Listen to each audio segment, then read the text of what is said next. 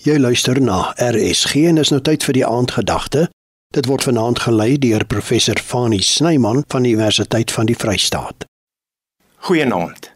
Ek wil jou uitnooi om vanaand en vir die res van die week saam met my 'n bietjie na te dink oor geloof. Geloof is een van die kernbegrippe in die Christelike godsdiens. Ons word Christene genoem. Christene word Christene genoem omdat hulle navolgers is van Jesus Christus. Christene word ook gelowiges genoem. En hulle word so genoem omdat hulle tot geloof in God gekom het. Maar wat beteken geloof? Hoe moet ons geloof verstaan? Geloof is baie keer 'n vaag, moeilik definieerbare begrip.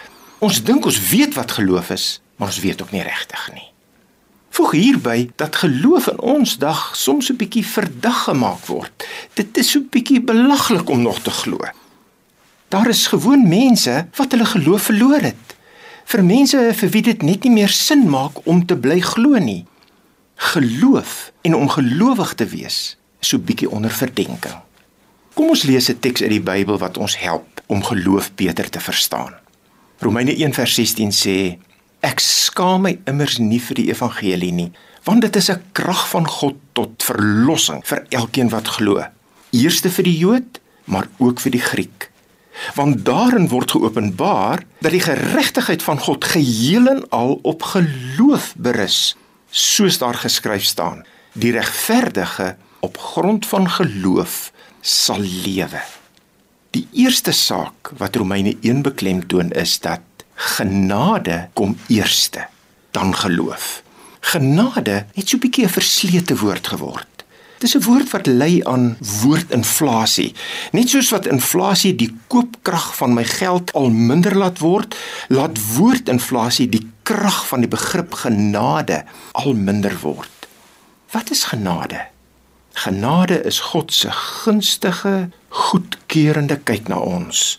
Genade beteken God kyk na ons met liefde. God het ons lief omdat hy ons genadig is en God is ons genadig en daarom het hy ons lief. God se genade is die manier waarop hy ons liefhet. God het ons lief en deur ons genadig te wees, bewys hy sy liefde. Kom ons buig ons hoofde. Here, dankie dat ons U kan ken as die genadige God. Dankie dat U ons genadig is sonder dat daar enige iets is op grond waarvan U ons genadig sou wees. Amen. Die aandgedagte hier op RSG is vanaand waargeneem deur professor Fani Snyman van die Universiteit van die Vrystaat.